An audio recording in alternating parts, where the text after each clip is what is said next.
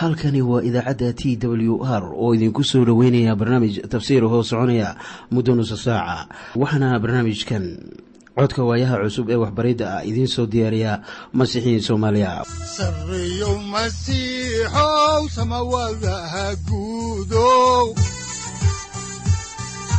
Siraadki adduunkow subanaha eebow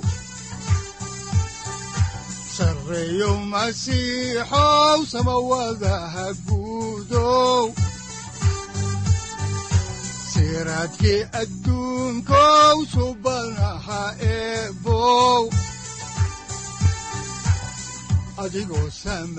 ku soo dhowaada dhegaystayaal barnaamijkeenna dhammaantiinba waxaan horay u sii ambaqaadi doonnaa daraasaadkii la magac baxay baibalka dhammaantii waxaannu caawa idiin sii wadi doonnaa barashada kitaabka falimaha rasuullada. Falimaha rasuullada waa kitaab taariikhi ah oo ay tahay in qof waliba wax uu ka barto si uu u garto taariikhda kitaabka axdiga cusub. Waxaanan caawa idiin sii wadi doonnaa cutubka kow iyo labaatanaad ilaa kan laba iyo labaatanaad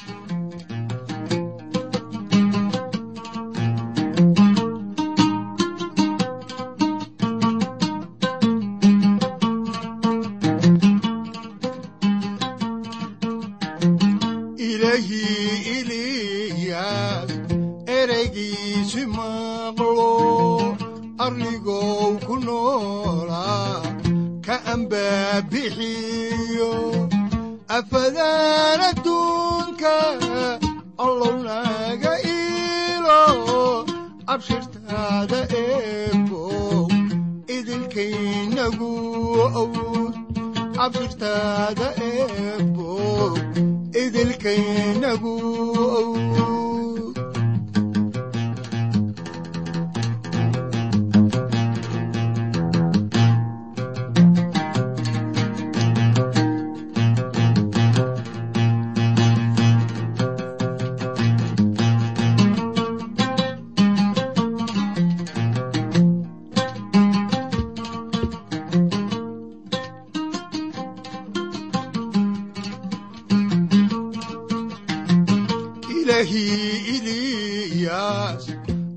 ayantii abaarti tukaha u amro ku irsaaqay hawdko afadaan adduunka allow naga iilo abshirtaada eebo markii noogu dambaysay waxaannu ka hadlaynay xaalka ku saabsan nimcada iyo sida ay ugu fasaxayso kuwa sharciga ku hoos jira inay ku socdaan qaynuunnada rabbiga.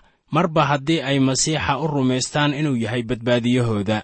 Welibana waxaannu ka hadlaynay kuwa hilbaha ka soo iibsada meelaha asnaamta oo beryahaasi suuq weyn ahayd. Haddaan dib ugu soo noqonno socdaalkii bawlos uu ku yimid yeruusaalem ka gadaal markii uu ka soo noqday lugtiisii saddexaad ayaannu qisada ka eegaynaa kitaabka falimaha rasuullada cutubka kow iyo labaatanaad aayadaha laba iyo labaatan ilaa lix iyo labaatan waxaana qoran sida tan. Haddaba waa maxay? Way wada maqli doonaan inaad timid. Sidaas darteed waxaannu kuu sheegayno yeel. Waxaana la jooga afar nin oo nidar galay kuwaas kaxee oo isla daahiri oo qarashka iyaga ka bixi inay madaxa xiirtaan. Markaasay dhammaan waxay wada ogaan doonaan inaanay waxba ahayn waxyaalihii lagaa sheegay laakiin inaad adiga qudhaadu si hagaagsan u socotid oo aad sharciga dhowrtid laakiin wax ku saabsan dadkii aan yuhuudda ahayn oo rumaystay ayaannu qornay innagoo ku amraynaa inay iska ilaaliyaan waxa sanamyada loo sadaqeeyo iyo dhiigga iyo waxa la ceejiyo iyo sinada markaasaa bawlos nimankii kaxeeyey oo maalintii dambena intuu iyagii isla daahiriyey ayuu macbadka galay isagoo caddaynaya maalmihii isdaahirinta dhammaadkoodii ilaa intii sadaqada loo sadaqeeyey mid kasta oo iyagii ka mid ahaa. Muxuu haddaba bawlos samaynayaa wuxuu yimid yeruusaalem waxaana la siiyey qaabilaad wacan oo kiniisaddu ay isugu timid. Isaguna wuxuu guddoonsiiyey hadiyadihii ay soo dhiibeen kiniisadihii quruumaha ee uu ku soo wacdinayey oo badankoodna isagu uu majaraha u taagay waxay dhagaysteen warbixintiisii oo waxay ku reereeyeen sidii ilaah uu u badbaadinayo quruumaha iminka waxay u soo jeesteen bawlos oo waxay u sheegayaan inay jiraan kumannaan yuhuud ah oo yeruusaalem jooga oo ku kalsoonaaday masiixa oo aqbalay inuu yahay masiixa iyo badbaadiyaha. Ma jiro mid ka mid ah rumaystayaasha oo doonayay inuu kala qaybiyo kiniisadda qofka yuhuudiga ah ee u yimaada masiixa ayaan innaba ka tegaynin caadadii uu ku dhaqmayey waxay markaasi ku yidhaahdeen bawlos bal eeg adigu yuhuudi baa tahay. Yuhuudinimaduna waa dhaqankaaga iyo caadadaada.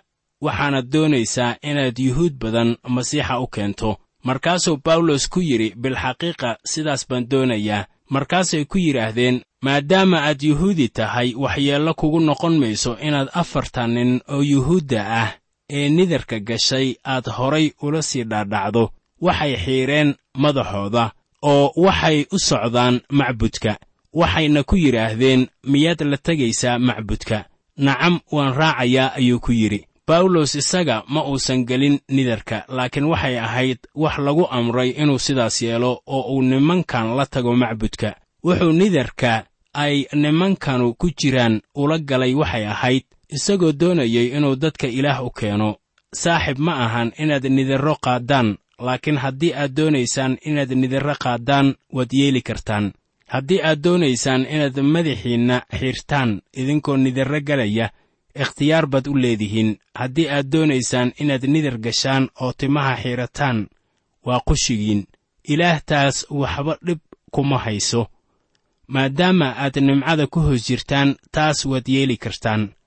Waxaan markaasi nimcada ku haysannaa xaalka ku saabsan nidarka waase haddii aynu doonayno. Welibana waa inaad garataan inaan waxyaalahaasi laydinku badbaadin laakiin waxaannu ku badbaadnay nimcada ilaah. Iminkana waxaannu eegaynaa maaddada qusaysa macbudka yeruusaalem haddaan horay idinku sii wadno xigashada kitaabka falimaha rasuullada oo aan eegno baalka laba boqol kow iyo konton ee axdiga cusub cutubka kow iyo labaatanaad aayadaha toddoba iyo labaatan ilaa siddeed iyo labaatan waxaa qoran sida tan.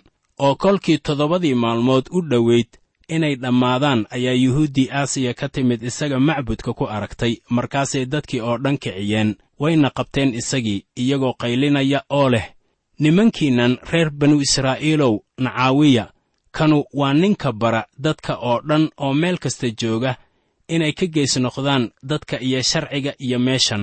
Welibana wuxuu macbudkan keenay dad giriig ah meeshan quduuska ahna xaaraan buu ka dhigay.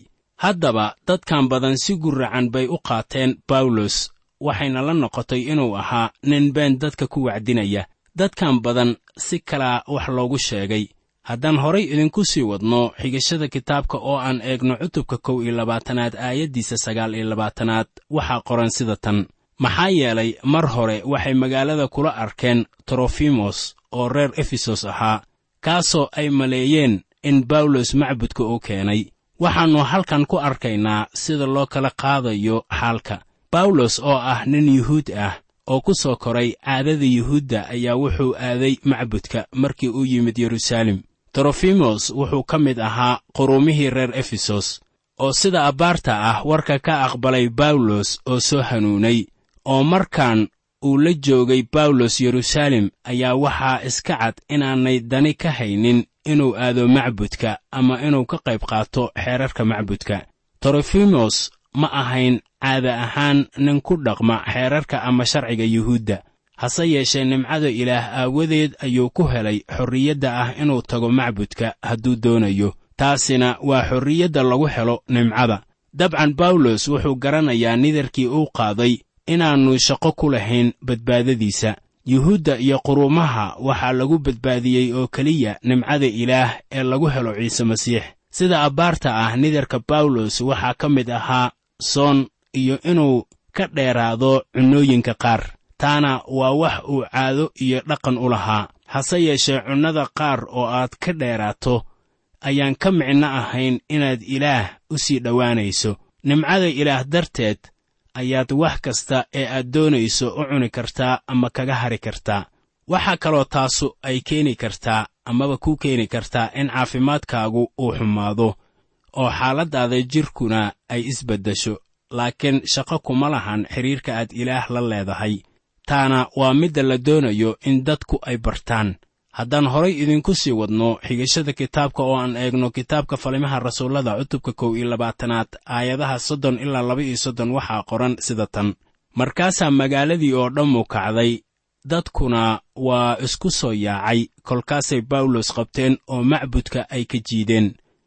Oo markiiba albaabadii waa la xidhay markay damceen inay isagii dilaan ayaa war uu u yimid sarkaalkii ka sarreeyey ciidankii in yeruusaalem oo dhan ay rabshaysan tahay. Markaasuu wuxuu soo watay askar iyo kuwo boqol askari u taliya. Hoos buuna u soo orday iyaguna markay arkeen sarkaalkii sare iyo askartii ayay bawlos garaacidda ka daayeen. Waxaad halkan ku arkaysaa ama garanaysaa sida ay u necbaayeen bawlos waxay u necbaayeen waxay ahayd inuu barayo dadka inaanay badbaado ka raadinin sharciga. Bawlos wuu ku qumanaa inuu sameeyo mid ka mid ah caadooyinka dadkiisa haddii uu doonayo. Wuxuuse isku taxallujinayaa sidii dadkiisa ay ku qaabili lahaayeen masiixa. Inkastoo aannu ka gungaarin ujeeddadii uu maanka ku hayey ayuu danaynayaa in la dhammeeyo ujeeddadii ilaah haddaba dadkan badan way dili lahaayeen bawlos haddaannu sarkaalka sare iyo askartiisu soo dhex gelin. Haddaan horay idinku sii wadno kitaabka falimaha rasuullada oo aan eegno cutubka kow iyo labaatanaad aayadda saddex iyo soddonaad ayaa waxaa qoran sida tan. Markaasaa sarkaalkii sare ku soo dhowaaday uu qabtay isagii oo wuxuu ku amray in lagu xidho laba silsiladood waana weyddiiyey ninkuu yahay iyo wuxuu sameeyey sarkaalkan ma aannu garanaynin bawlos oo ma odhan war ninkanu soo bawlos ma ahan ninkii quruumaha wacdiyi jiray. Ninkanu ma aannu garanaynin cidda uu ahaa oo waxay la noqotay inuu fal dembi ah sameeyey. Markaana wuu xidhay haddaan horay idinku sii wadno qisada oo aan iminkana eegno cutubka kow iyo labaatanaad aayadaha afar iyo soddon ilaa lix iyo soddon waxaa qoran sida tan. Qaar waxay ku qayliyeen wax qaarna wax kale. Dadkii badnaa dhexdiisa oo markuu runtii garan kari waayey rabshadii aawadeed ayuu ku amray in qalcadii la geeyo. Oo markii bawlos sallaankii fuulay waxaa dhacday in askartii kor u qaadday isagii dadkii badnaa xooggooda aawadiis. Waayo dadkii faraha badnaa waa daba socday iyagoo qaylinaya oo leh naga fogeeya maadaama sarkaalku aannu waxba ka ogaan karin dadkan faraha badan ayuu bawlos soo geliyey qalcad dheer. Si bal uu u ogaado waxa lagu eedaynayo waxa ay ahaayeen. Dadkii badnaa ma ayaan doonaynin inay dacwad ku soo oogaan amaba ay hadlaan. Waxay doonayeen oo keliya inay dilaan bawlos aayadda soddon iyo toddobaad ayaa waxaa ku qoran sida tan markay u dhoweyd in bawlos qalcaddii la keeno ayuu sarkaalkii sare ku yidhi ma ii suurtowdaa inaan wax ku idhaahdo. Markaasuu ku yidhi afgiriig ma taqaan. Ninkan sarkaalka ah wuu la yaabay markii uu arkay bawlos oo afgariig ku hadlaya. Wuxuu mooday inuu soo xidhay qof tuug ah laakiin ninkan wuxuu ku hadlayaa luqadda giriigta oo saxiix ah. Ninkan sarkaalka ahina waa gartay waayo wuxuu ahaa nin qallaad haddaan horay idinku sii wadno xigashada kitaabka oo aan eegno kitaabka falimaha rasuullada cutubka kow iyo labaatanaad aayadda siddeed iyo soddonaad waxaa qoran sida tan. Haddana miyaanad ahayn masrigii maalmahan hortoodii rabshada kiciyey oo afarta kun oo nin oo dhiigqabayaalka ah cidlada u kaxeeyey. Ninkan sarkaalka ah waxay la noqotay in bawlos uu ahaa nin beri dhoweed rabshad kiciyey oo misri ahaa oo dad badan duurka u kaxaystay. Haddaan horay u sii wadno ayaa bawlos uu ka jawaabayaa su'aasha sarkaalka oo wuxuu ku leeyahay sida ku qoran aayadda soddon iyo sagaalaad sida tan. Laakiin bawlos wuxuu ku yidhi anigu waxaan ahay nin yuhuudi ah oo reer tarsos ah taasoo kilikiya ku taal oo waxaan ahay magaalo aan yarayn waddanigeed. Waxaan kaa baryayaa inaad ii fasaxdid inaan dadka la hadlo. Bawlos wuxuu kula hadlayaa afka giriigta laakiin wuxuu u sheegayaa sarkaalka inuu yuhuudi yahay. Markii sarkaalkii u ogaaday kan uu ahaa ayuu wuxuu ku yidhi waa hagaag anigu garan maayo kan aad tahay adiga. Hase yeeshee iminka dadka waad la hadli kartaa. Haddaan xaalka ka eegno aayadda ugu dambaysa ee cutubka kow iyo labaatanaad oo ah aayadda afartanaad ayaa waxaa qoran sida tan. Oo kolkuu fasaxayna bawlos isagoo sallaankii taagan ayuu dadkii gacanta u taagay oo markii aad loo aamusay ayuu af cibraaniga kula hadlay iyagii. Inkastoo bawlos uu kula hadlay ninkii sargaalka ahaa afka giriigta ayuu dadkiisiina kula hadlayaa iminka afka cibraaniga oo markii uu bilaabay inuu kula hadlo afkoodii ayay dhammaantood u istaageen inay maqlaan. Waxa uu leeyahay haddaba wixii uu lahaa ama khudbadii uu dadka u jeediyey waxay ka bilaabanaysaa cutubka laba-iyo labaatanaad sababtaas aawadeed waxaannu si dawaale ah idinku bilaabaynaa cutubka laba-iyo labaatanaad ee kitaabka falimaha rasuullada. Haddaan idiin bilowno cutubkan laba-iyo labaatanaad ayaa sida caadada inoo ahayd waxaannu ku bilaabaynaa mawduuca oo ah bawlos oo isku hor difaacaya dad badan oo isku soo xoomay oo yeruusaalem jooga. Cutubkan waxaa inoogu qoran khudbadii bawlos uu jeediyey isagoo hor taagan dadkii badnaa ee doonayey inay dilaan dadka waxaa loo sheegay hadallo kuturakutayn ah. Wuxuu dadkan faraha badan u sheegayaa sidii uu ku qaabilay masiixa iyo xiisadihii keenay yeruusaalem dabeetana bawlos wuxuu xukuumadda ka codsanayaa iyadoo ay ugu wacan tahay inuu reer rooma yahay aawadeed in laga samato bixiyo karbaashidda iyo xabsiga. Farriintiisii uu jeediyey isagoo hor jooga dadkii tirada badnaa waa tan waxaana ay ka bilaabanaysaa kitaabka falimaha rasuullada baalka laba boqol laba iyo konton ee axdiga cusub cutubka laba-iyo labaatanaad aayadda koowaad waxaana qoran sida tan.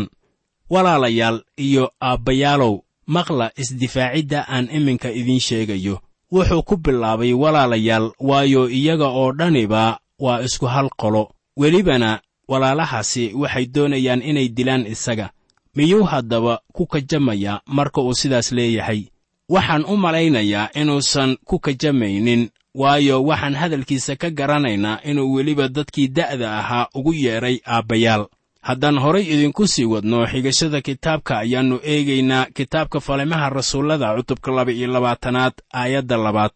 Waxaa qoran sida tan kolkay maqleen inuu afka cibraaniga kula hadlay ayay sidii hore ka sii aamuseen markaasuu ku yidhi haddaba isla markii uu bilaabay inuu ku hadlo afka cibraaniga ayay isdejiyeen waa sida darbad dhacaysa oo mar qura istaagtay ama hirar kacsan oo mar qura degay. Waxay iminka dhegaysanayaan ninkan ay isku hadalka yihiin. Wuxuuna ku bilaabayaa khudbadda taariikhdiisii shakhsi ahaaneed haddaan horay idinku sii wadno xigashada kitaabka falimaha rasuullada ayaannu eegaynaa kitaabka falimaha rasuullada cutubka laba-iyo labaatanaad aayadda saddexaad. Waxaana qoran sida tan waxaan ahay nin yuhuudi ah oo ku dhashay tarsos oo ku taal kilikiya. Laakiin magaaladan baa laygu koriyey anoo gamaali'eel hoostiisa wax laygu baray. Sidii caadadii adkayd oo sharcigii awowayaasheen anigoo ilaah qiiro u leh sida aad dhammaantiin maanta tihiin. Bawlos wuxuu u muujinayaa inuu iyaga ka mid ahaa oo uu ahaa farrisi mid ka mid ah asbaabaha uu ugu naxayey iyaga waxay ahayd inuu garanayay fikirradooda ama waxa qofka farrisiga ah lagu soo anqariyey wuxuu iyaga siinayaa taariikhda waayo wuxuu doonayaa inuu masiixa u keeno. Bawlos taariikhdiisa shakhsi ahaaneed waa mid cajiib ah tarsos waxay ahayd xarunta dadka giriigta ah ee wax soo bartay ee waagaas. Jaamacadda ugu wanaagsan ee wakhtigii bawlos waxay ku taallay tarsos kumase oolin atenis ama korintos. Tarsos waxay ahayd magaalo caaddaasi maraysa oo giriigtu ay leeyihiin oo welibana ah xarun waxbarasho oo dadka giriigta ahi ay leeyihiin shakila'aan bawlos wuxuu wax ku bartay jaamacadihii giriigta ee wakhtigiisii ku yaallay magaalada tarsos oo wuxuu lahaa waxbarasho uu ka helay dadka giriigta ah. Laakiin welibana wuxuu joogi jiray magaalada yeruusaalem halkaasoo uu kaga mid noqday ardaydii gamaali'eel iminkana bawlos ayay dadkan isku soo xoomay dhegaysanayaan oo isagoo hadalkiisa sii wata ayuu ku leeyahay sida ku qoran kitaabka falimaha rasuullada cutubka laba-iyo labaatanaad aayadda afaraad. Jidkana waan silcin jiray tan iyo dhimasho anigoo xidhaya oo xabsiga geynaya rag iyo dumarba. Waxaad eegtaa in bawlos uu ugu yeedrayo masiixinimada jidkan ama dariiqaddan mar kale. Welibana u fasiri maayo sida in masiixiyiintu ay yihiin urur. Wuxuu isticmaalayaa hab ay garan karaan oo isaguna uu garanayo waana hab wanaagsan in lagu yeedho dariiqo masiixiyiinta oo dhan. Waa maxay haddaba dariiqadan? Dariiqadan waa tubta toosan runta iyo nolosha waana shakhsiyadda ciise masiix. Wuxuu iyaga ku leeyahay dhegaysta anigu waxaan leeyahay taariikh la mid ah tiinna oo waxaan silcin jiray dariiqaddan waxaan garanayaa sida aad dareemaysaan oo waxa aad samaynaysaanna waan samayn jiray markii hore. Bawlos oo hadalkiisii sii wata ayaa ku leh cutubka laba iyo labaatanaad aayadaha shan ilaa toddoba sida tan. Sida tan ayay iigu markhaati furayaan wadaadka sare iyo waayeelladii oo dhammuba kuwaasoo aan waraaqo uga helay walaalaha oo aan dimashik u socdaalay inaan kuwa halkaasi joogayna iyagoo xirxiran yeruusaalem keeno si loo ciqaabo oo waxaa dhacday intaan socdaalayay oon dimashik u soo dhowaanayay iyadoo duhur ah in dhaqsiba iftiin weyn oo samada ka yimid hareerahayga uu ka iftiimay. Markaasaan dhulka ku dhacay oo waxaan maqlay cod igu leh sawlo sow! Sawlo sow! Maxaad ii silcinaysaa markan ayaan arkaynaa inuu wax uga sheegayo wixii ka dhigay masiixi isagoo hadalkiisa sii wata ayuu ku leeyahay aayadda siddeedaad sida tan. Markaasaan u jawaabay oo aan ku idhi yaa tahay sayidkow markaasuu igu yidhi waxaan ahay ciisaha reer naasareed oo aad silcinaysid oo kuwii ila joogayna runtii waxay arkeen iftiinkii laakiin ma ay maqlin kii ila hadlay codkiisii. Bal aan inta ku yara hakado oo aan eego xaal dahsoon haddii aad xusuusataan markii aynu idin akhrinnay hanuunkii sawlos reer tarsos ayaa waxaa qornaa ama laynoo sheegay sida ku qoran aayadda toddobaad ee cutubka sagaalaad sida tan. Nimankii la socdaalayeyna hadalla'aan bay istaageen iyagoo codkii maqlaya laakiin aan ninna arkaynin. Haddaba halkan wuxuu bawlos ku leeyahay laakiin ma ay maqlin kii ila hadlay codkiisii waxayna tanu u muuqataa inay khilaafayso wixii uu horay u sheegay waana qidco ay jecel yihiin nimanka doodaha ka dhiibta baibalka inay soo xigtaan. Sida xaqiiqada ah wax iska hor imaad ah ama khilaaf ah kama muuqdaan halkan. Nimankii waxay maqleen codkii iyo sanqadhii laakiin ma ayan garan waxa codku uu lahaa. Mana ayaan garanaynin kan hadlaya. Waxaase cad inay cod un maqleen. Haddaan horay idinku sii wadno xigashada kitaabka oo aan eegno kitaabka falimaha rasuullada cutubka laba iyo labaatanaad aayadaha toban ilaa shan iyo toban waxaa qoran sida tan. Markaasaan ku idhi maxaan sameeyaa rabbiyow? Kolkaasaa rabbigu igu yidhi kac oo dimashak gal meeshaasaana lagugu sheegi doonaa waxa ku saabsan waxyaalihii lagu amray inaad samaysid oo dhan. Markaan waxba arki waayey dhalaalkii iftiinka aawadiis kuwii ila joogay ayaa gacanta igu hagay oo waxaan imid dimashak oo mid la odhan jiray ananiyas oo nin cibaadaysan ahaa. Sida sharcigu leeyahay oo ahaa mid yuhuuddii halkaasi joogtay oo dhanba marag wanaagsan u furtay ayaa ii yimid oo iskay ag taagay isagoo igu leh walaal sawlosow araggaaga hel oo saacaddiiba waan arkay isagii markaasuu igu yidhi ilaaha awoowayaasheen ayaa ku doortay inaad doonistiisa ogaatid iyo inaad kan xaqa ah aragtid oo aad afkiisa cod ka maqashid. Maxaa yeelay dadka oo dhan hortiisa waxaad isaga uga markhaati furaysaa waxaad aragtay oo aad maqashay. Waxaad haddaba ogaataa in bawlos waraysi uu la yeeshay sayid ciise masiix. Waxaan rumaysanahay in rabbiga uu la hadlay isaga oo uu wax baray markaasoo uu joogay lamadegaanka caraabiya haddaan horay idinku sii wadno xigashada oo aan eegno kitaabka falimaha rasuullada cutubka laba iyo labaatanaad aayadaha lix iyo toban ilaa labaatan waxaa qoran sida tan. Haddaba maxaad u sugaysaa kac ha lagu baabtiiso oo dembiyadaada iska mayr adoo magaciisa ku baryaya.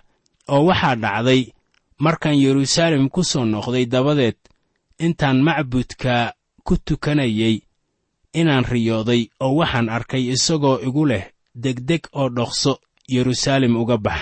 Maxaa yeelay markhaatigaad ii furaysid kaama ay aqbali doonaan. Markaasaan idhi rabbiyow iyaga qudhoodu way og yihiin inaan xidhxidhay oo aan sunagoog walba ku garaacay kuwa ku rumaystay oo markii la daadsay dhiigga istifanos oo ahaa markhaatigaaga aniguna waan ag taagnaa oon u oggolaanayey oon haynayey kuwii isagii dilay dharkoodii. Bawlos haddaba ma aannu iloobin inuu maalintaasi halkaasi joogay oo isagu abaabulo ka ahaa hawsha. Waxaase ay niyaddiisa ku beertay xusuus aan ka go'in iyo mahadho. Waxaanay taasu keentay ama soo dejisay toobadkeenkiisa haddaan horay idinku sii wadno xigashada kitaabka oo aan eegno aayadaha kow iyo labaatan ilaa laba iyo labaatan ee kitaabka falimaha rasuullada cutubka laba iyo labaatanaad waxaa qoran sida tan. Markaasuu igu yidhi tag maxaa yeelay waxaan kuu dirayaa meel fog inaad dadka aan yuhuudda ahayn ugu tagtid. Wayna dhagaysteen ilaa hadalkaas markaasay codkoodii sare u qaadeen iyagoo leh dhulka ka fogee ninka caynkan ah maxaa yeelay ma qumana inuu noolaado. Bawlos wuxuu u sheegayaa quruumaha warka wanaagsan oo iminkaba halkaas ayuu ka yimid isagoo wax uga sheegaya ciise masiix. Yuhuuddu way garanayaan taas oo markii uu soo hadal qaaday quruumaha ayuu wuxuu shidayaa dareenkooda. Wixii halkan ka dambeeya waxay isku darayaan sawaxan iyo qaylo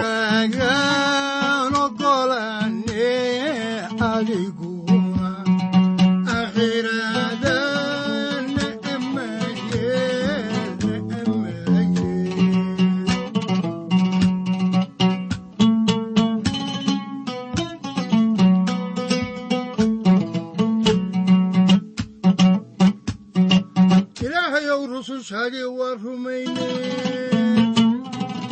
raxmaddaada rabbigayna unagu roolo rasuulkaagii nuux ahaya u horeeyo rafaadkii reerkiisana waabay ka badbaadisay markii aad roob ka sareeyo masiixow samawadaha guudow siraadkii adduunkow subanaha eebow. Adigoo samaada jiro ifkan soo saldhiganba adigoo samaada jiro ifkan soo saaciiday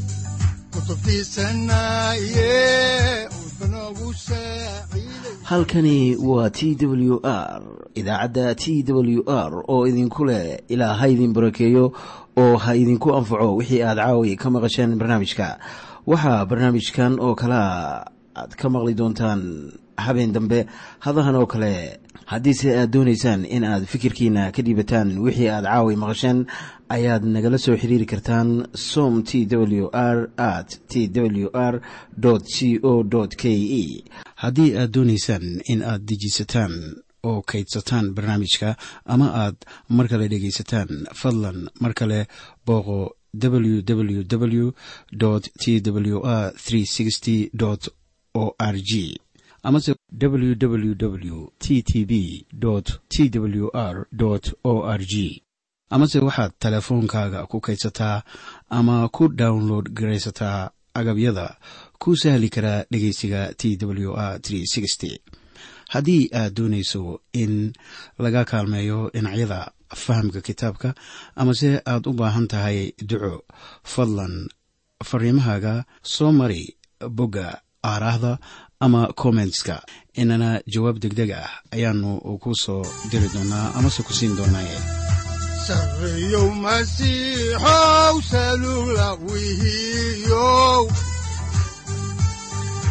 saacadda timid dhulka sabada ku dhalatiyo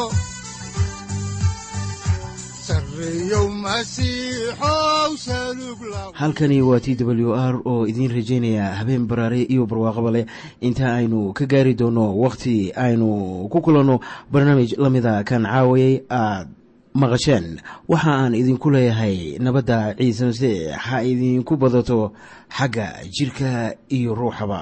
Aamiin